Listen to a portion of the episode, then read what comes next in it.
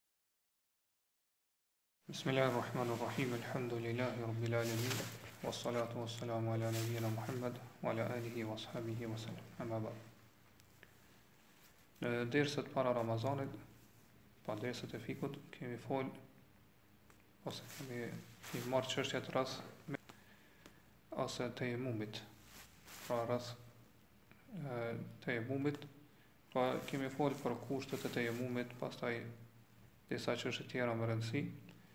Dhe kemi mbrri te fjalët e autorit ku thot wa furuduhu meshu wajhihi wa yadayhi ila ku'ihi. Pra fillon me fol për farzet, për obligimet e tejemumit. Thot farzet e tejemumit janë fshirja e fytyrës dhe e duarve deri në nyje.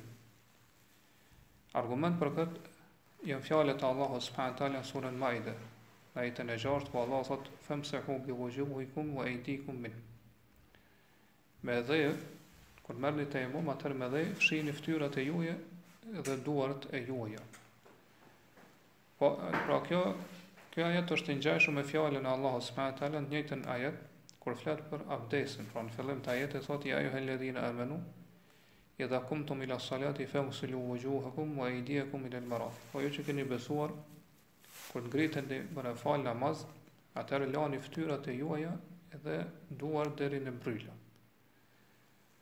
Dhe autori këtu për me tregu se deri ku do me i fshi duart gjatë tejemumit, po e përdor shprehjen ku. Në gjuhën arabe el ku quhet që Ashti i cili vjen këtu te gishti i madh i dorës, pra që e pason gishtin e madh të dorës, që vjen nën të. Kjo quhet ku në gjuhën arabe. Edhe domethënë duart do të fshihen gjatë tejemumit deri këtu. Pra deri te kjo nyja apo ashti që është te gishti që është nën gishtin e madh të dorës. Argument se fshirja duhet të bëhet deri këtu,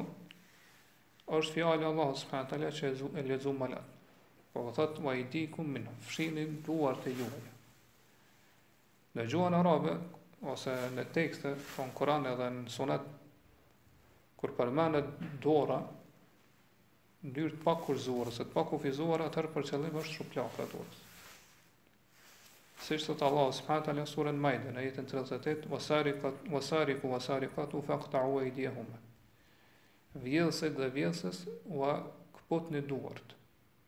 Pra hajni, ai që vjedh ose ajo, ajo hajnesha që vjedh, do t'ju këputen duart. Ku do t'ju këputen duart, pra për qëllim është që edhe është e njohur që dora atyre këputet këtu te kjo nyja e dorës, pra shuplaka. Argument tjetër është hadithi i Amar ibn Jasirit.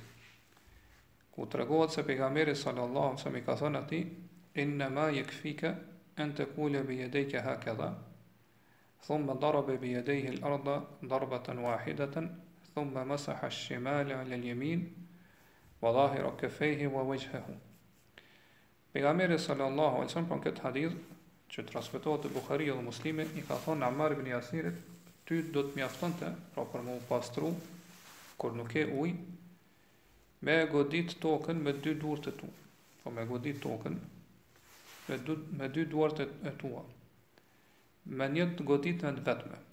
Pastaj ta fërkosh dorën e, e, e majtë me të djathtën dhe ta fërkosh pjesën e sipërme të shuplakës. Pra dorën e majtë me të djathtën dhe pjesën e sipërme të shuplakës. Pastaj ta fërkosh fytyrën. Pra pejgamberi sallallahu alaihi wasallam këtu nuk po i thot me fërku dorën deri në bryl. I po po thot me godit tokën me një goditje të vetme, me fërku dorën e majtë me me me të majtën djathtën ose të djathtën me të majtën, edhe me fërku pastaj pjesën e sipërme të shuplakës, pastaj ftyrën. Disa dijetarë, siç e dimë kanë mendimin se kur të marrëm tejemum, atër duar do të fërkohen deri të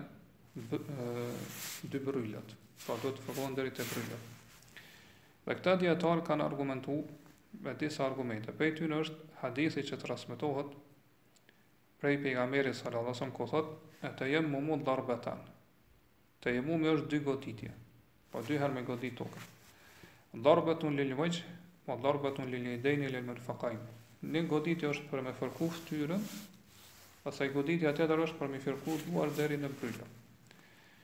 Mirëpo kjo hadith është refuzuar për faktin se është hadith i dobët. Është hadith i dobët dhe llogaritet që është hadith shadh, pra hadith i cili i kundërshton hadithet e sakta, që e përshkruajnë e tregojnë se si është forma e tejemumit. Dhe po ashtu, siç e pamë te hadithet ma lart, tejemumi është vetëm një goditje, dhe jo dy goditje siç ka ardhë në këtë hadith. Po ashtu, fërkimi ose fshirja bëhet vetëm, vetëm deri te nyja, siç e shpjegum ma lart. Pra kjo hadith, siç e kanë shpjegu, pra dijetarët është i dobët. Prej tyre, që kanë tregu se hadithi është i dobët, është dijetari i njohur Abdul Hak el Ishbili, po ashtu Ibni Haxheri dhe të tjerët.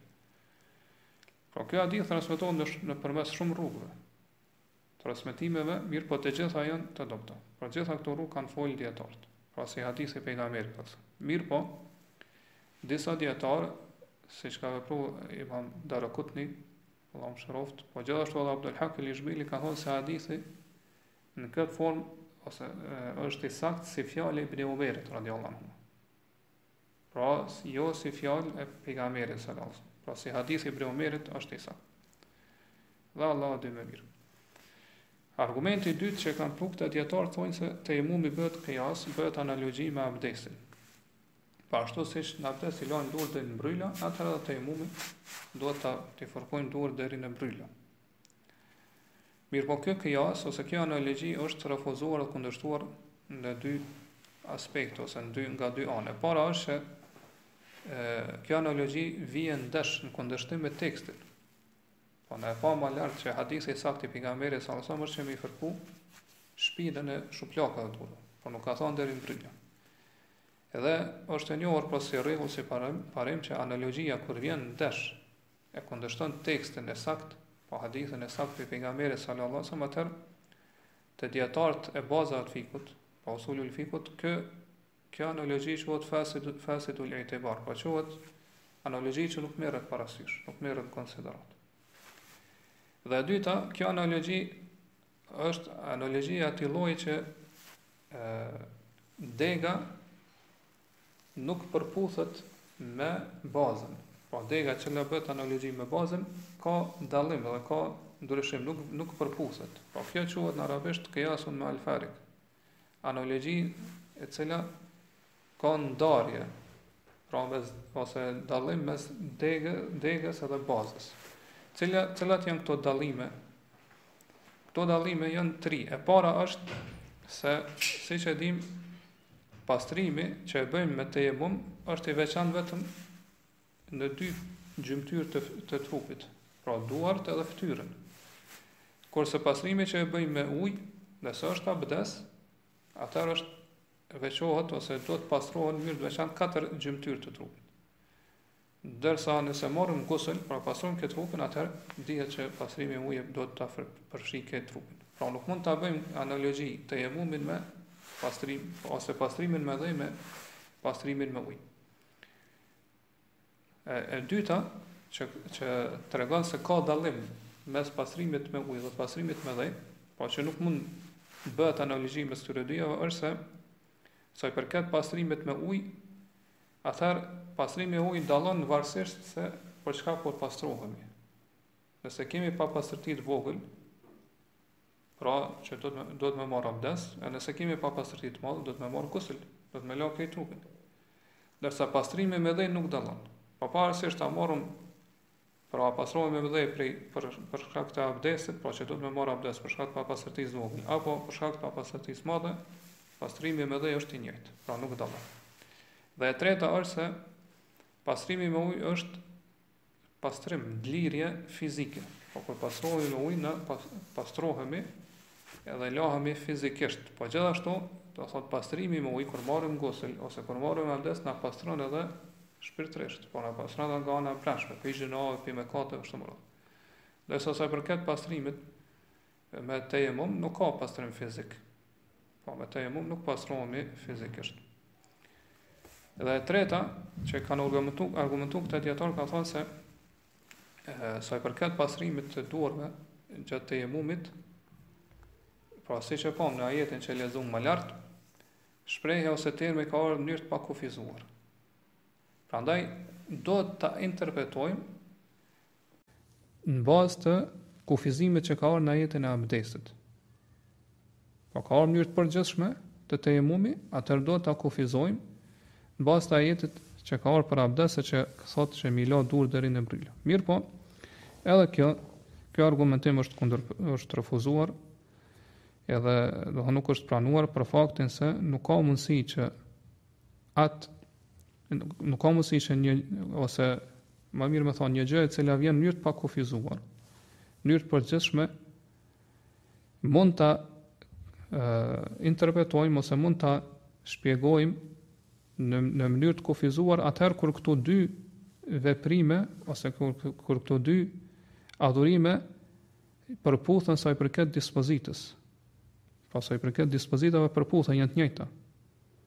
Mirëpo kur ka dallim mes tyre, siç është rasti që ka dallim mes tejemumit dhe abdesit, atëherë nuk mundemi atë që ka ardhur në formë të pakufizuar me shpjegu ose me me e kufizu në formë në bazë të kësaj tjetrës që ka ardhur pra e kufizuar në tekste.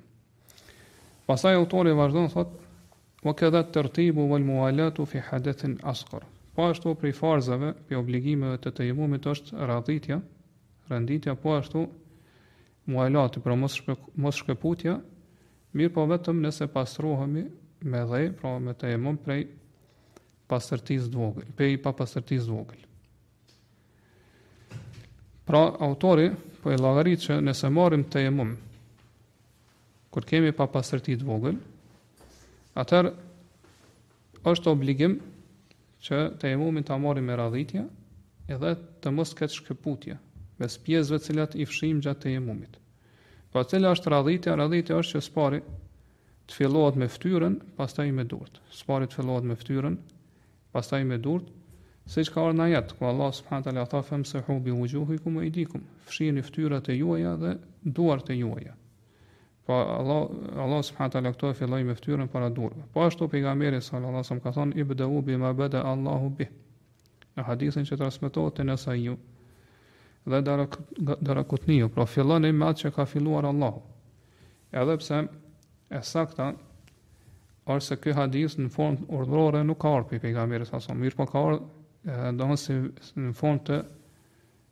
tregimit. Pra Profeti a.s. ka thonë, unë po e filloj me atë që ka fillu Allahu.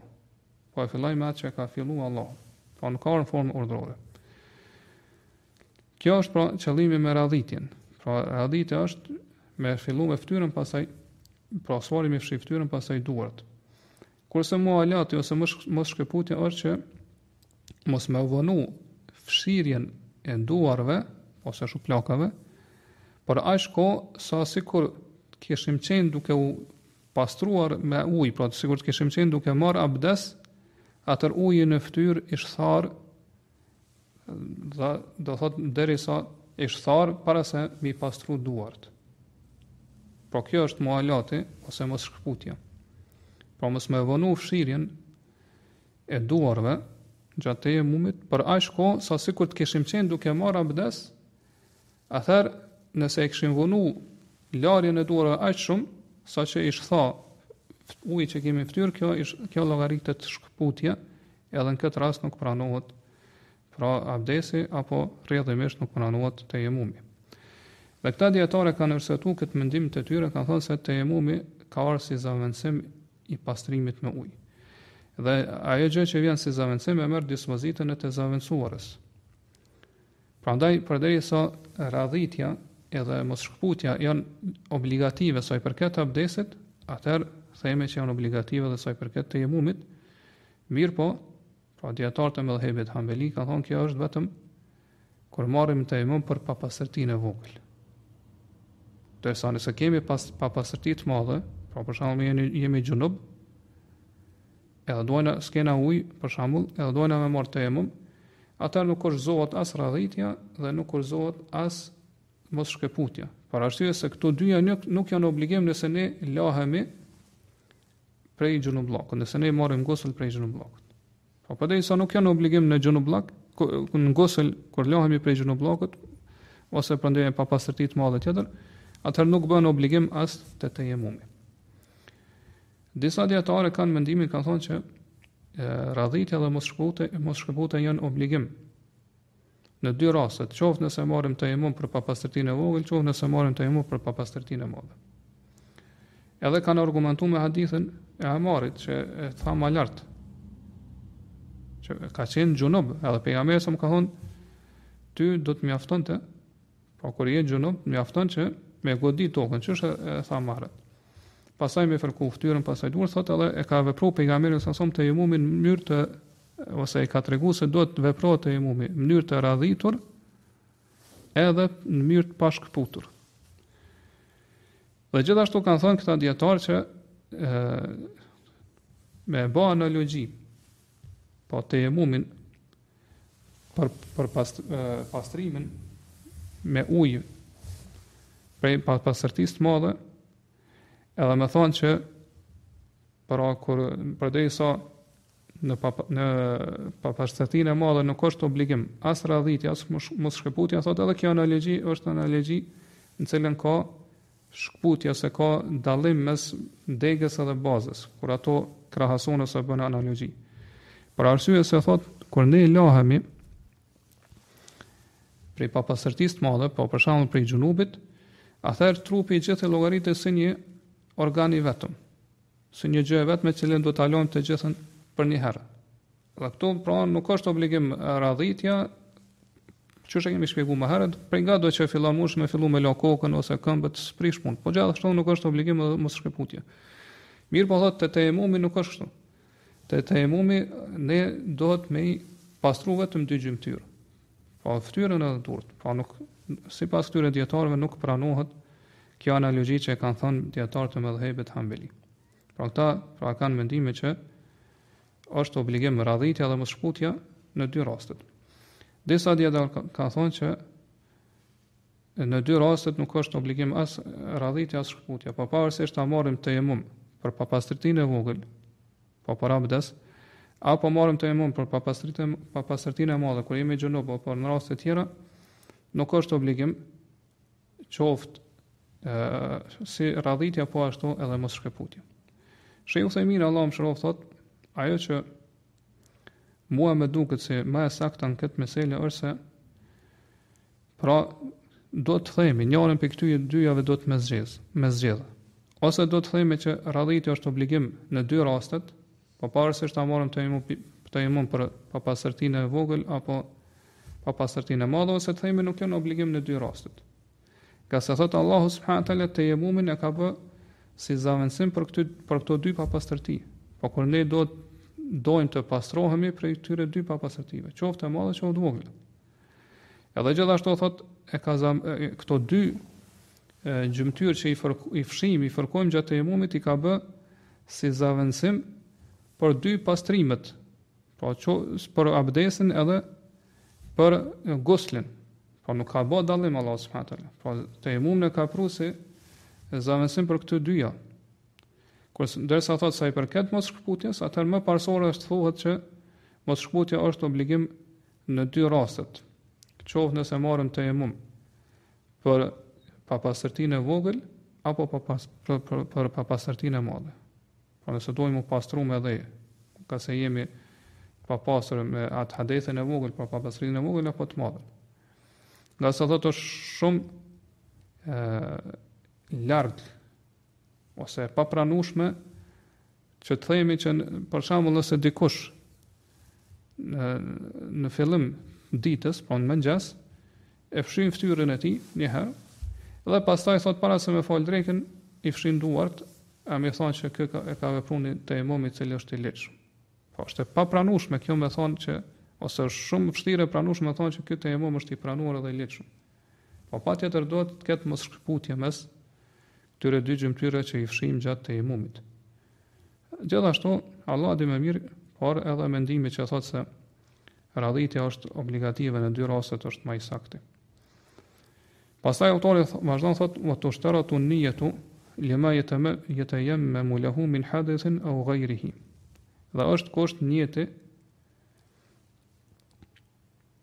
është kusht nijeti për atë që merr tejemum, për atë vepër për cilën dëshiron me marr tejemum, qoftë ajo vepër ose qoftë ajo gjë për cilën merr tejemum, pra hadeth, papastërti apo ndonjë gjë tjetër. Këto kena me shpjegu më poshtë. Mirëpo para se me fillu, është mirë me ditë se çka është kushti. Që autori po thotë është kusht. Në gjuhën arabe, fjala shart apo kusht ka kuptimin e shenjës.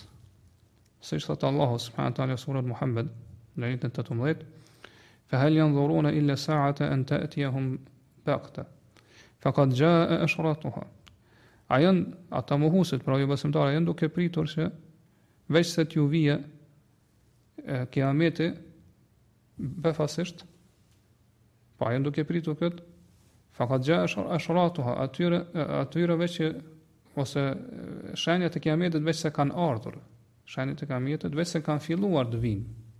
Pra është përdorë fjala eshrat që është shumësi i fjalës shart e që për qëllim është shenjat e kiametit. Ndërsa sa i përket kuptimit teknik, apo te, te dijetarët e bazave të fikut, usuli fikut, thonë që Kusht është ajo gjë që nëse nuk ekziston, atëherë detyrimisht nuk ekziston as e kushtëzuara. E nëse ekziston kushti, atëherë nuk do të thotë që patjetër me ekzistu edhe e kushtëzuara. Për shembull, abdesi e dimë që është kusht për saktësinë e namazit. Edhe nëse nuk ka abdes, atëherë nuk, nuk është i saktë as namazi, pra nuk ekziston as e kushtëzuara në këtë rast namazi, nuk pranohet. Mirëpo nëse ekziston abdesi, kushti në këtë rast, atëherë nuk është kusht detyrimisht me ekzistu edhe namazi. Pra njeri merr abdes edhe nuk falet. Pra kjo është kushti. Pra definicioni apo përkufizimi i kushtit. I kemi edhe disa shprehje tjera që përdoren në usuli fik apo në bazat e fikut, është mirë mi dit. Për shembull, e kemi sebebin, shkakun. Sebebi dallon prej kushtit në një gjë. Pra në këtë pjesën e dytë. Pra, shkaku është që nëse ekziston, atëherë detyrimisht ekziston edhe e shkaktuara. Mirëpo, nëse nuk ekziston shkaku, atëherë detyrimisht nuk ekziston as e shkaktuara. Pra kjo është dallimi mes kushtit edhe shkakut. Dhe kemi shprehjen tjetër e që është pengesa. Ose arabisht i thonë elmani, pengesa. Pengesa është e kundërta e kushtit. Pra nëse ekziston pengesa, atëherë detyrimisht nuk pengon, atëherë detyrimisht do thot nuk ekziston ajo gjë që mund të themi, në këtë rast e penguara. Mirëpo, domethënë nëse nuk ekziston pengesa, atëherë nuk themi që detyrimisht duhet me ekzistu edhe e penguara në këtë rast. Pra e kundërta e kushtit. Është mirë m'i ditë këto, ngase shpesh ne dëgjojmë për shembull për disa gjëra që do të plotësohen kushtet edhe të largohen pengesat. Po me ditë çka është kushti dhe çka është pengesa. Kjo vetëm si dobi shtesë.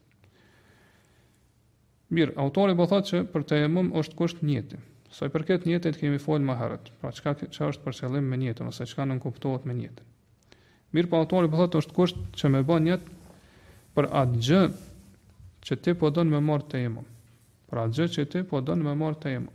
Pavarësisht është papastërti apo diçka tjetër. Me këto fjalë autori i ka përfshirë dy gjëra. Edhe pse nuk i ka cek, mirëpo i ka bo bashkë dy gjëra. E para është që ne kur marrim tejemum, marrim tejemum për një vepër që dëshirojmë me marrë tejemum, mirëpo gjithashtu marrim tejemum edhe për një vepër si zavendësim i saj.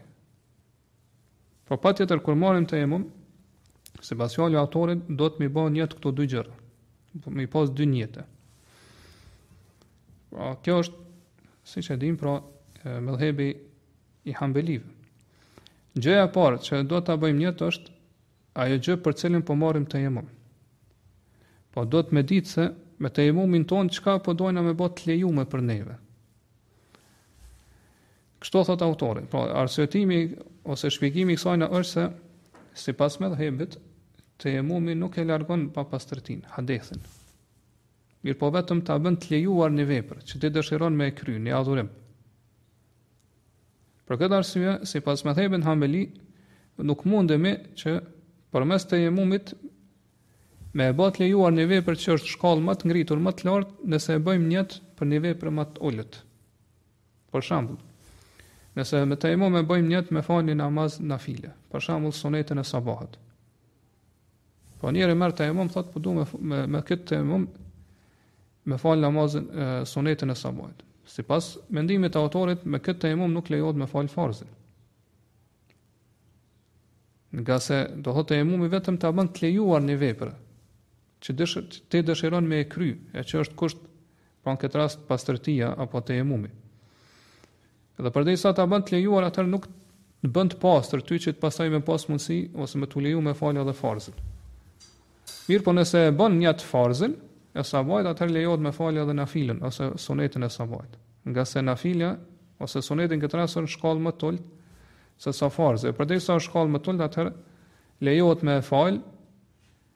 Përderisa kemi bërë nijet me fal ato që është shkallë ma të lartë.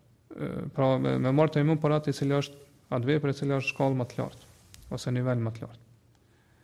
Kjo është gjëja parë që duhet me bërë nijet me tejemumin tonë, sipas fjalëve të autorit. E dyta, pra duhet me bërë nijet për atë që po marrim tejemum. Për çka po marrim tejemum?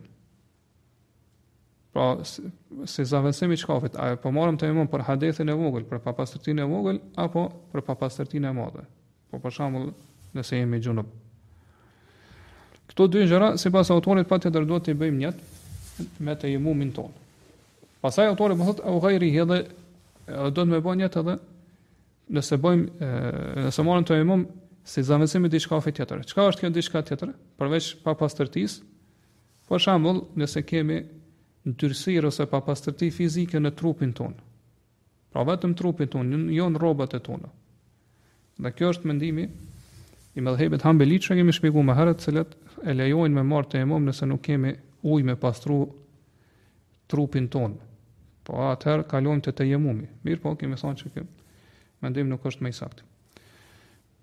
Si shembull për atë që u tha më lart mund ta përmendim nëse njeriu për shembull është me papastërti të vogël. Për shembull ka urinu ose ka kryer nevoja fiziologjike kështu me radhë. Edhe edhe dëshiron me fal namazin e drekës. Atëherë, autori po thotë këtë rast, këtu duhet, kur të merr tejemum, pra s'ka uj me marrë abdes për shembull, ose s'munet me përdor ujin, duhet me i, me i thonë bë, bë nijet dy gjëra. E para është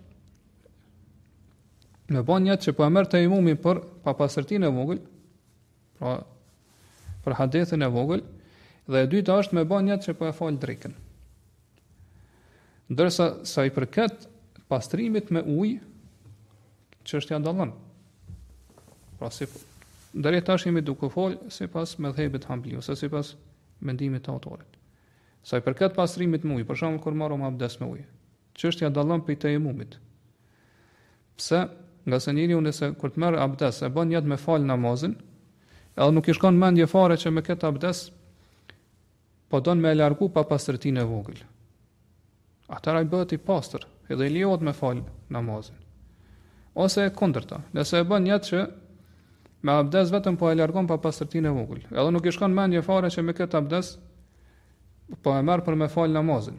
Apet papastërtia largohet. Pra hadethi i vogël largohet, edhe i lejohet me fal farzën, edhe ndonjë namazet e tjera ose sunete kështu. Mirëpo, kemi thënë që mendimi më i saktë i dietarëve në këtë rast që e zgjedh Shejh Uthejmini si mendim më të saktë është që tejemumi të pastron ty.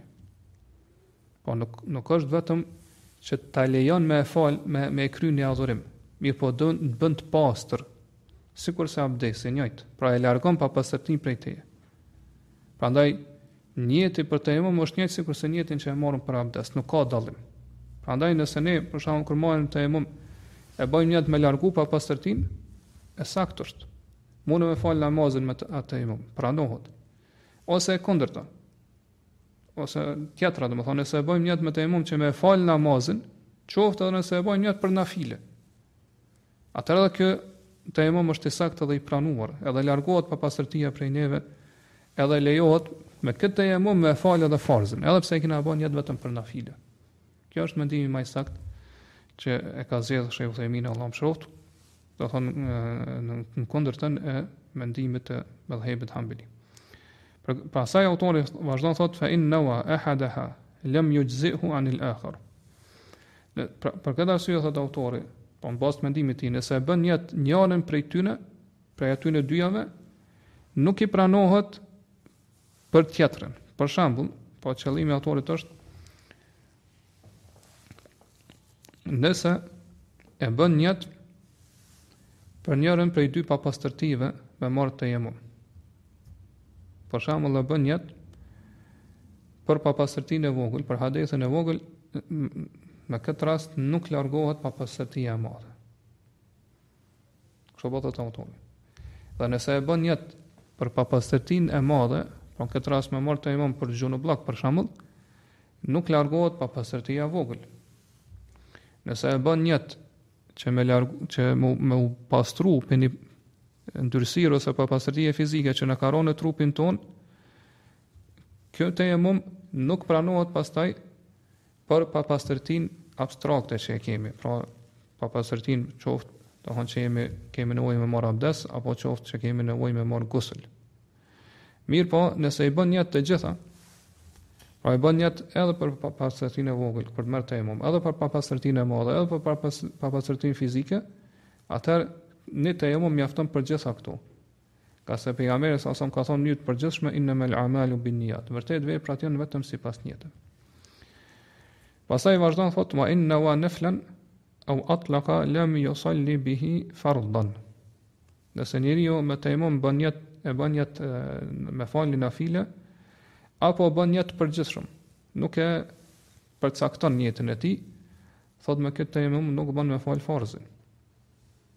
Për shembull, qysh thamë ma herët, e bën nijet me tejemum për me fal sunetin që është para farzit.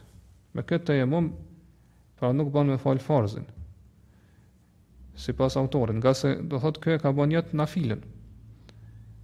Edhe qysh thamë, mendimi i medhhebit është që tejemum i vetëm është sa për me ta leju ty me e fal një ose me kry një adhurim.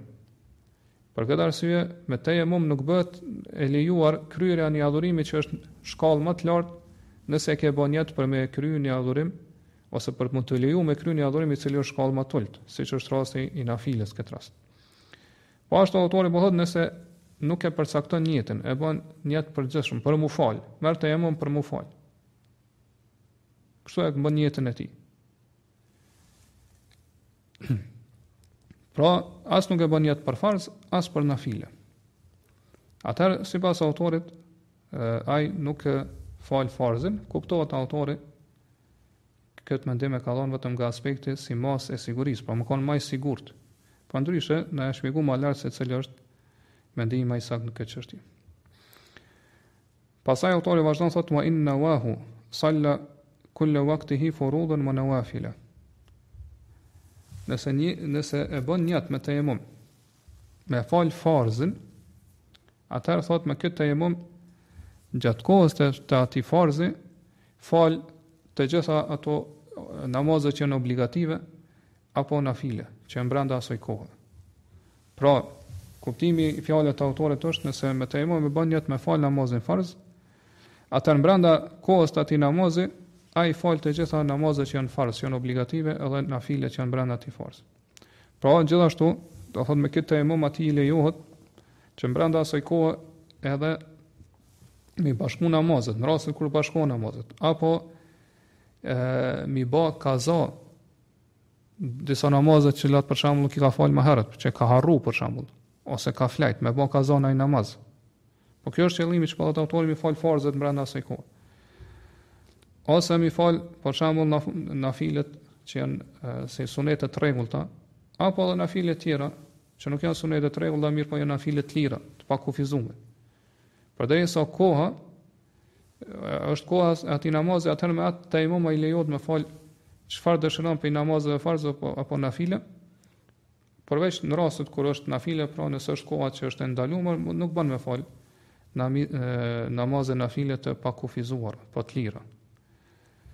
Autori po e, e potencon këtë gjë, ngase disa prej dijetarëve të selefit kanë thonë që duhet me marrë tejemum për çdo namaz. Siç e përmend këtu Ibn Kudame në librin e tij El Mughni. Pasi të japë selam prej një namazi, kur do të falë namazin tjetër, duhet me marrë tejemum tjetër. Mirëpo ky mendim është i dobët dhe mendimi më i saktë, inshallah është mendimi të cilën e përmend autori. Pastaj autori vazhdon dhe i përmend gjërat të cilat e zhvlerësojnë tejemumin. Edhe për këto inshallah do të flasim në dersin e ardhshëm. Allahu di më mirë, Allahu alem.